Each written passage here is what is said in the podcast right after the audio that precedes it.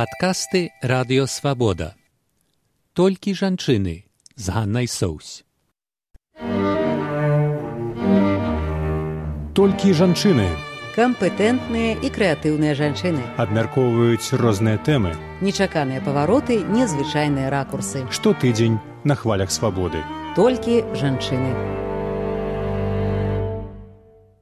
Эфіры радыё свабода вы слухаеце перадачы толькі жанчыны з вами Ганна Соусь і наша перадача выходзіць за некалькі дзён да вяселля прынца гары амерыканскай акторкі меган маркл. І сёння мы паспрабуем прааналізаваць феномен цікавасці ў свеце да брытанскай каралеўскай сям'і пагаворым пра тое чым адметная змагарка за гендерную роўнасць меган маркл.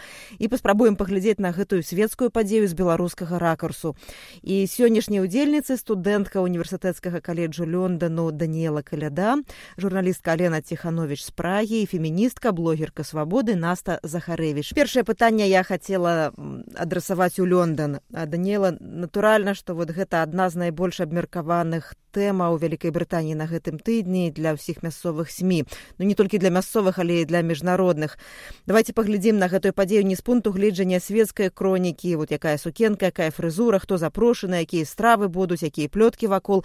А больш глыбока што вот гэтае вяселле мяняе ў традыцыях ва уяўленнях людзей пра каралеўскую сям'ю пра ролю прынцэсы ці будучай жонкі прынца а, ну на самом деле я бы сказала что британское общество стало гораздо терпимее к изменениям а, в уставе королевской семьи если смотреть еще два поколения назад то сестра королевы елизавета маргарет которая на тот момент находилась на той же ступени наследования как и принц гарри сейчас не смогла выйти замуж за своего любимого человека, если не ошибаюсь. Он был аташе ее отца, его звали Питер Таунсенд, по причине его предыдущего развода. А, парламентский акт по королевским бракам а, 1772 года запрещал женитьбу а, на человеке до этого разведенного из-за законов англиканской церкви. Учитывая, что королева не давала своего благословения в обход этого закона, свадьбы не было. А, там было большое количество факторов, то есть нежелание премьер-министра Черчилля на тот момент разрешать этой свадьбы, нежелание самой королеве идти э, против церкви, так как тогда у них были достаточно сложные отношения. Она решила дать своей сестре возможность подождать два года, но по итогу она сама выбрала не выходить замуж за этого человека. А в любом случае этот акт изменился в 2013 году вместе со сменой линии наследования. И, соответственно, Меган уже под него не попадает. Даже больше она станет теперь первой герцогиней Сассекской, так как все предыдущие жены бывшего герцога были незаконные из-за того же акта 1972 года. Однако, если смотреть на это не только с юридической точки зрения, то такая типичная роль принцессы, жены принца, изменилась еще во время принцессы Дианы, когда стало очевидно, что их брак с принцем Чарльзом а, распадается – и оба супруга ищут счастье на стороне. Это развило миф о такой непогрешимости королевской семьи. А, и британская пресса и британские люди привыкли к тому, что, возможно, это такие же люди, как и они, а не какая-то сказка, которую они для себя выстроили. А что касается конкретно Меган, то стоит упомянуть, что, как я раньше сказала, она станет герцогиней. То есть не принцессой, как принцесса Диана, что технически означает, что принцесса она будет только номинально – і в газетных заголовках. Даніла як вы мяркуеце ці гэта вот сама каралеўская сям'я мяняецца ці это все ж грамадства увесь свет уплывае на на гэтыя змены?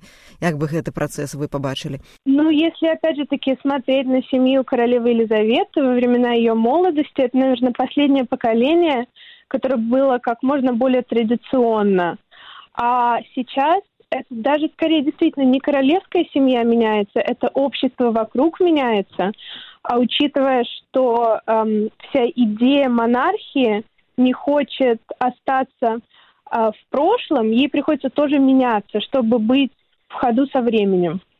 Дзякуй вялікі і пытанне ў Менск наста от давайте пагаворым пра саму асобу мэганы яна вельмі цікавая жанчына яна вельмі актыўная жанчына яна выступае за раўнапраўе жанчыны. Вот яшчэ дзяўчынка напісала Ілары Клінтон лісты выступала супраць сексійскай рэклямы вот на які момант у яе біяграфіі вы як феміністка звярнулі бы ўвагу па-першае ну канешне гэтая вось вядомая гісторыя з лістом які мэган даслала філры клинтон яна вельмі падаецца паказальная для а, нас канкрэтна для беларусі у тым плане што пакуль што нам яшчэ вельмі цяжка уявіць каб такая высокапастаўленая жанчына ў беларусі як зараз можна сказать мэкан у брытаніі каб выступала так адкрыта за ну, нейкія жаночыя праблемы каб выступала дзесьці за гендерную роўнасць таму што пакуль што яшчэ на жаль беларусі на гэтым узроўні хутчыць зусім зусім іншая вельмі патрыхальная рыторыка таксама цікава канешне што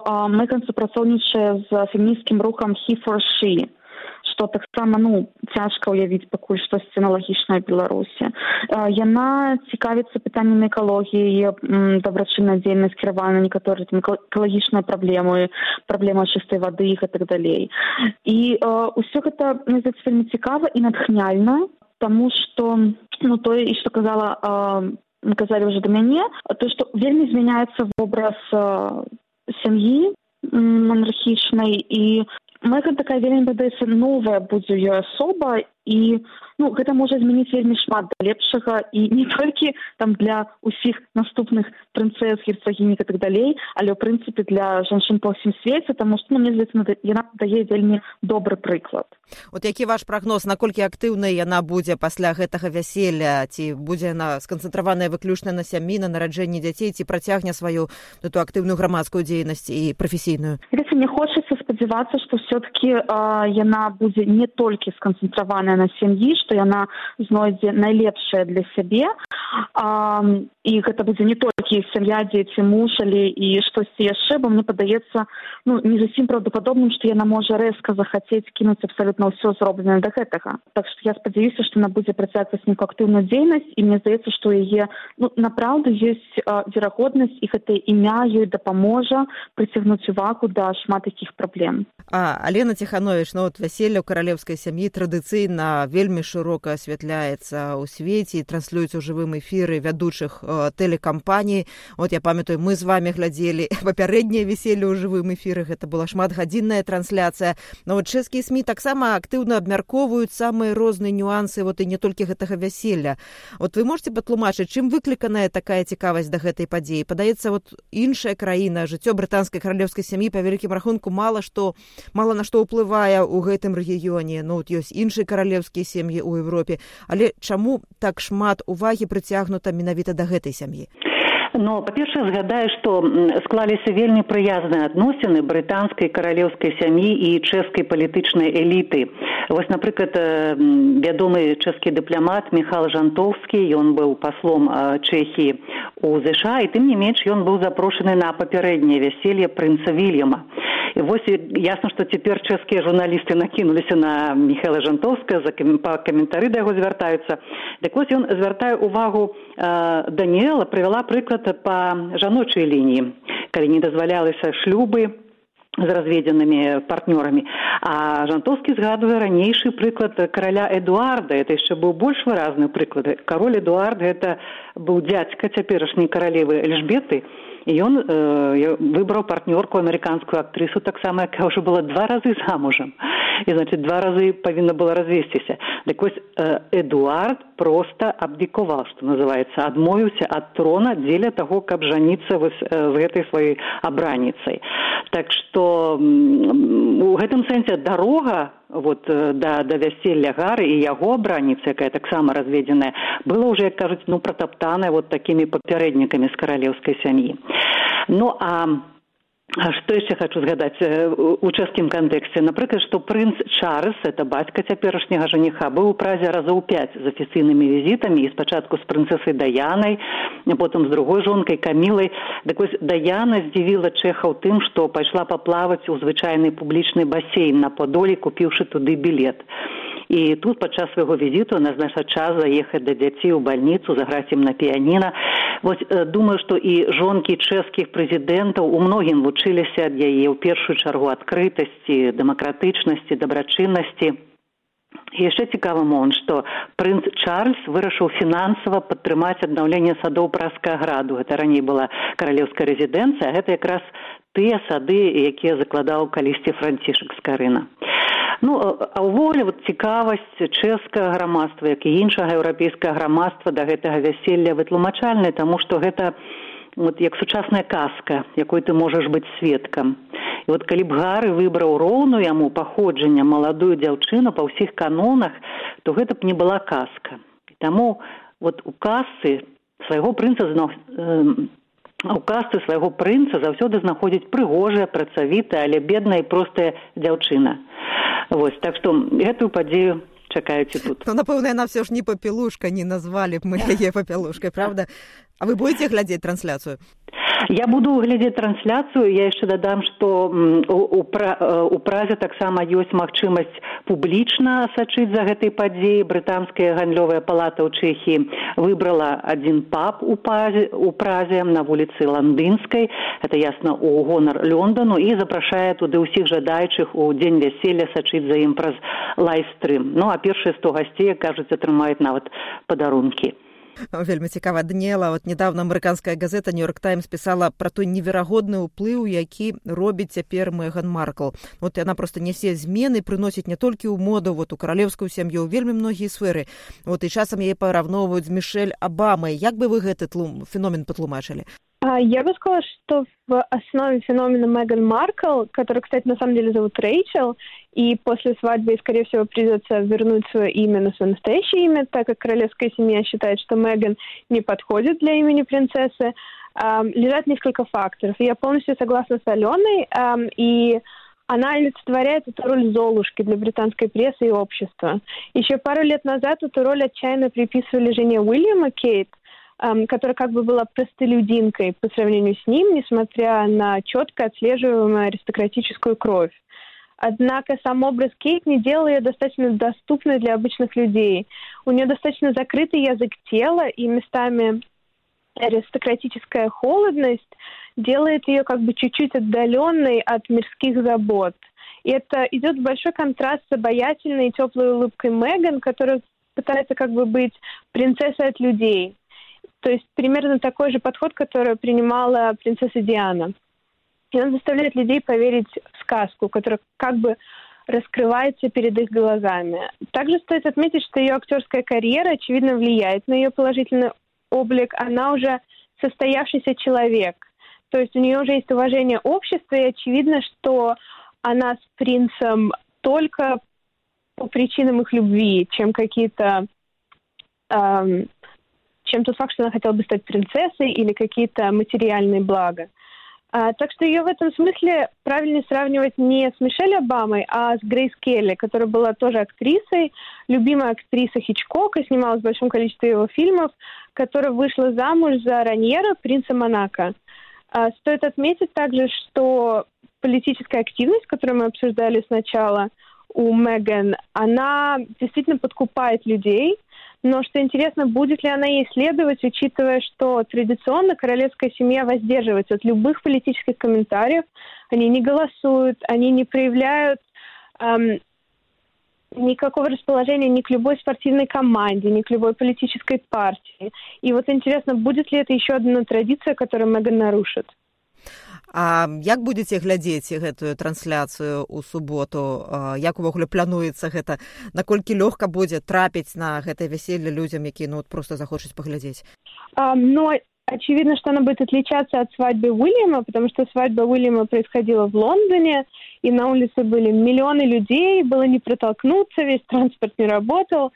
То их свадьба будет проходить вне Лондона, однако по Лондону будут э, установлены большие экраны, и все могут наблюдать за свадьбой, буквально проходя от улицы до улицы. То есть свадьба будет весь день проходить по городу, везде будут праздники, бесплатные напитки, десерты в честь э, молодожен. Так что я думаю, что даже если бы я ее не смотрела, я бы в любом случае ее увидела. А где вы будете, вот, где вы уже заплановали? А я в этот день буду в Лондоне. У меня, к сожалению, эм, учеба, так что у меня особо вариантов нету. Дякую вялікі настаноў у беларусі вялікая колькасць людзей жыве ў расійскай інфармацыйнай прасторы гадамі абмяркоўвае вобразна кажучы шлюбы і разводы алы пугачовай ці вот гэтая хваля цікавасці ў свеце у Еўропе да брытанскай каралеўскай сям'і распаўсюдзілася на Беларусь. Калі так то ў якім кантэксце Мне падаецца што ну у пэўнай ступені канешне гэта цікавасць распаўсюдзілася на Беларусь але не тое каб гэтая хваля была ну такой сапраўды вялікай. То бок штосьці нам цікава але не тое каб сачыць там за ўсімі абсалютна дэталямі жыцця каралеўскай сям'і.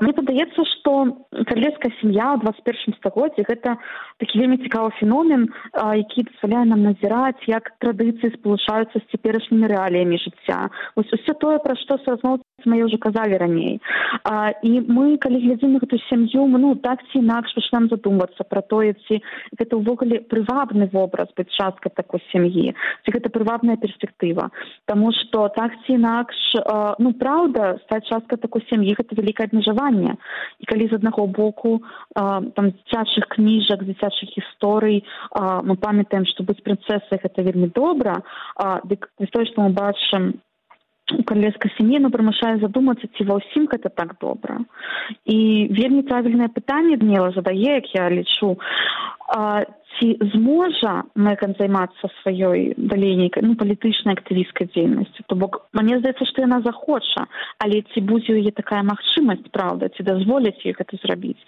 І ці патрэбна будзе гэта дазвол так? Ці яна зусім я не веду анархісцкія нейкія матывы ў сям'ю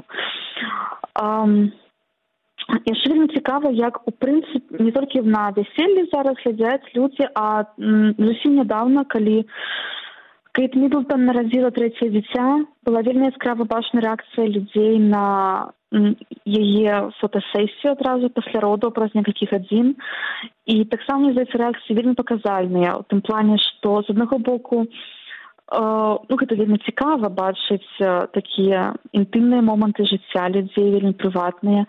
А з іншага боку ну хочаш не хоча пачынаеш задумацца што а як жа гэта кейт праз некалькі гадзін пасля родаў замест таго каб адпачываць і набірацца сілаў яна ўжо стаіць на абцасах з укладкай макіяжам вельмі прыгожая і зусім нібыта не стомленая А, так што мне здаецца, што прынцыпе вось гэтая цікавасць у нас да каралевскай сям'і яна такая ну вельмі сказать, супярэчная. То бок з аднаго боку есть нейкае захапленне мне падаецца у абмеркаваннях. І з іншага ёсць вось гэты такі матыў шкадавання асабліва тых жанчын якія траплі ну якія як бы уваходзяць у гэтую сям'ю. Таму што вельмі моцна яны вымушаны змяняць сваё жыццё.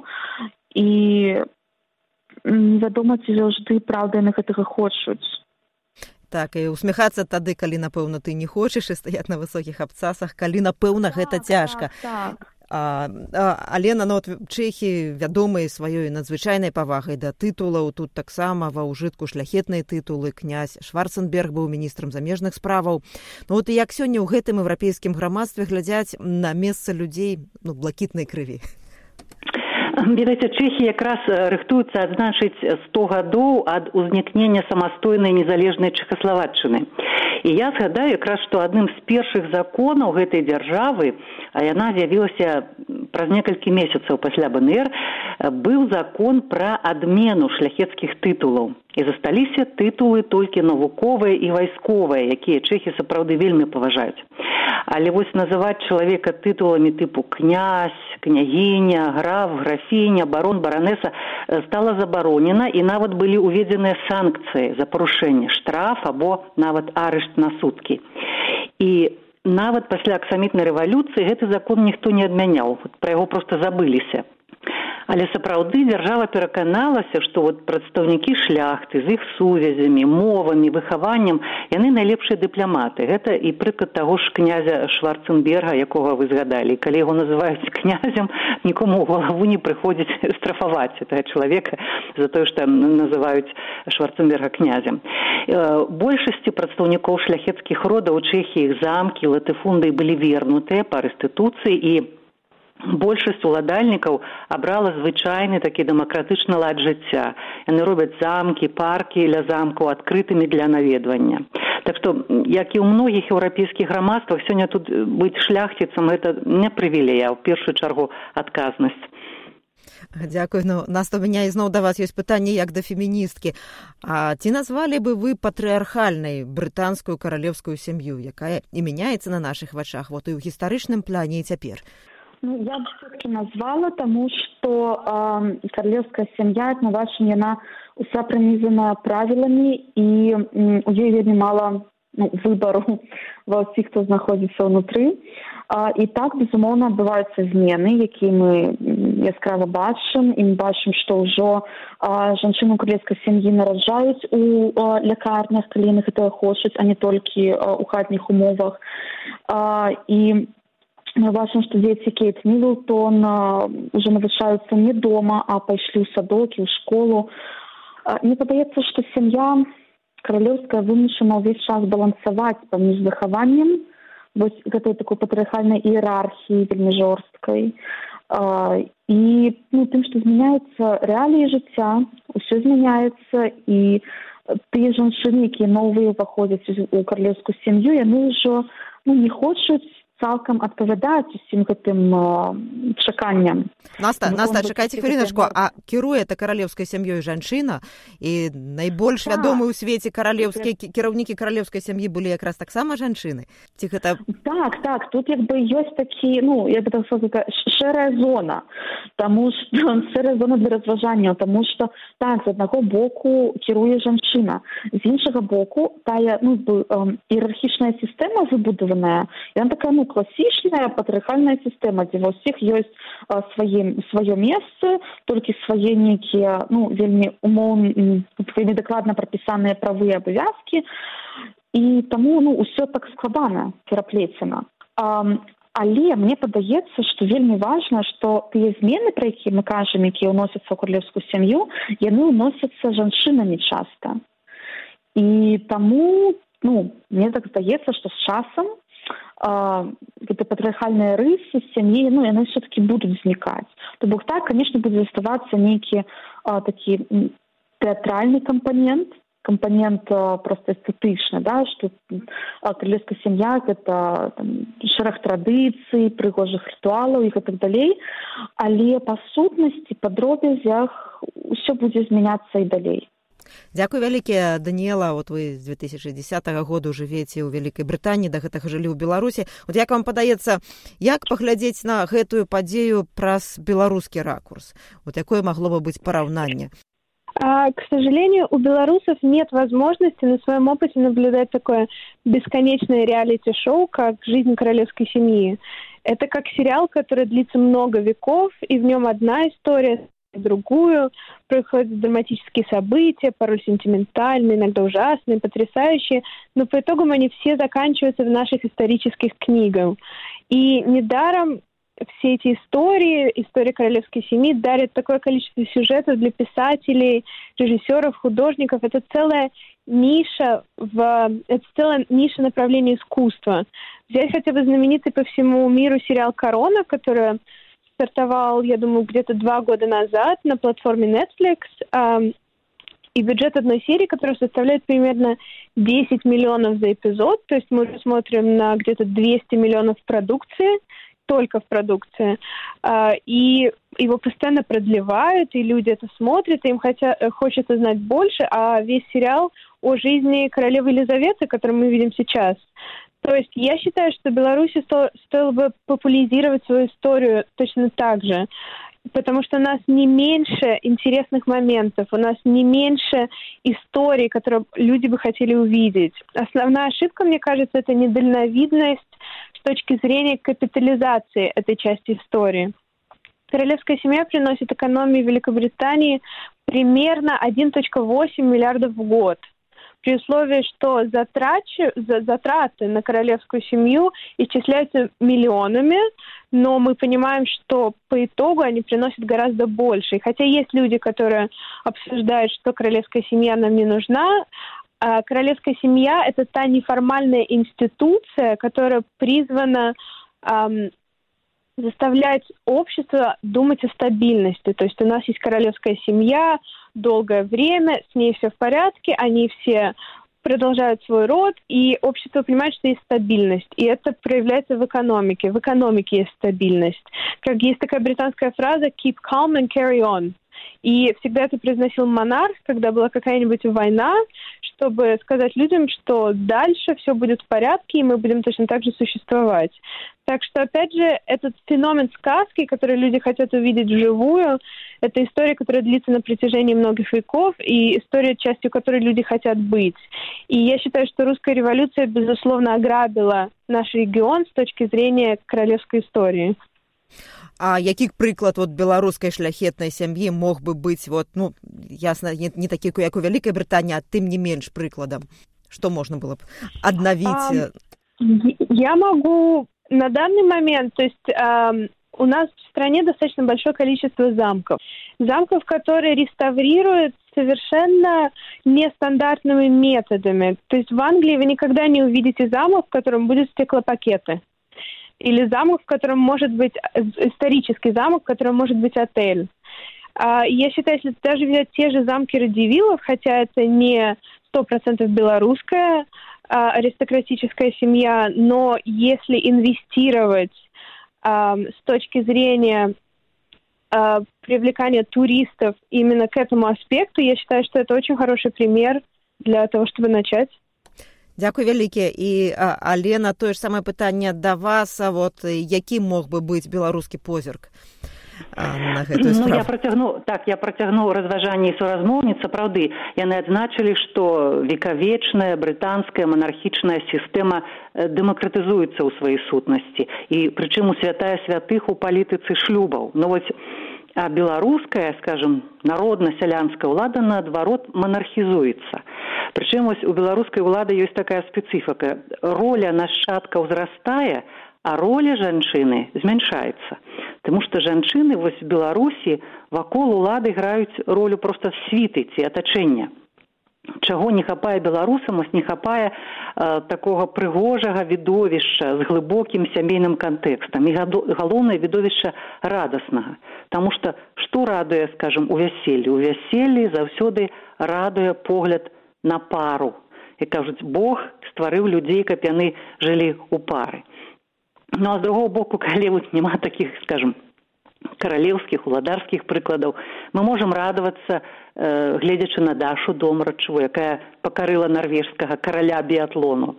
Ну а гледзячы на вяселля гары і мэган многія беларускі таксама могуць натхніцца таму што старыя манархі чым далей тым болей адкрытыя чалавечныя так што шансы ёсць і не толькі ў дзяўчат але і ў разведзеных жанчын нас ты тое самае пытанне да вас які бачыце вы беларускі ракурс тут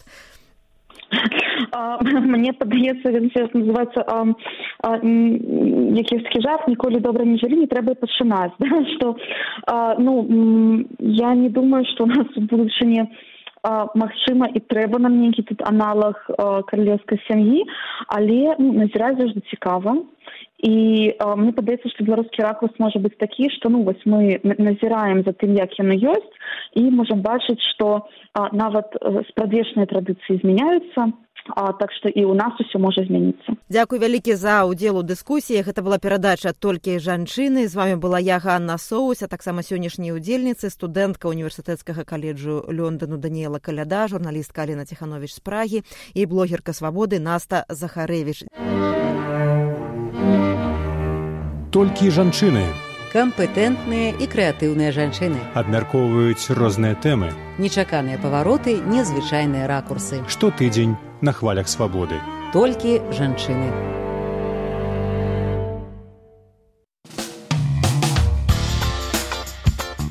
Выслухалі падкаст радыё свабода наступны выпуск праз тыдзень. Усе падкасты свабоды ў інтэрнэце на адрасе свабода кропка орг штодня у любы час у любым месцы калі зручна вам. Свабода кропка орг ваша свабода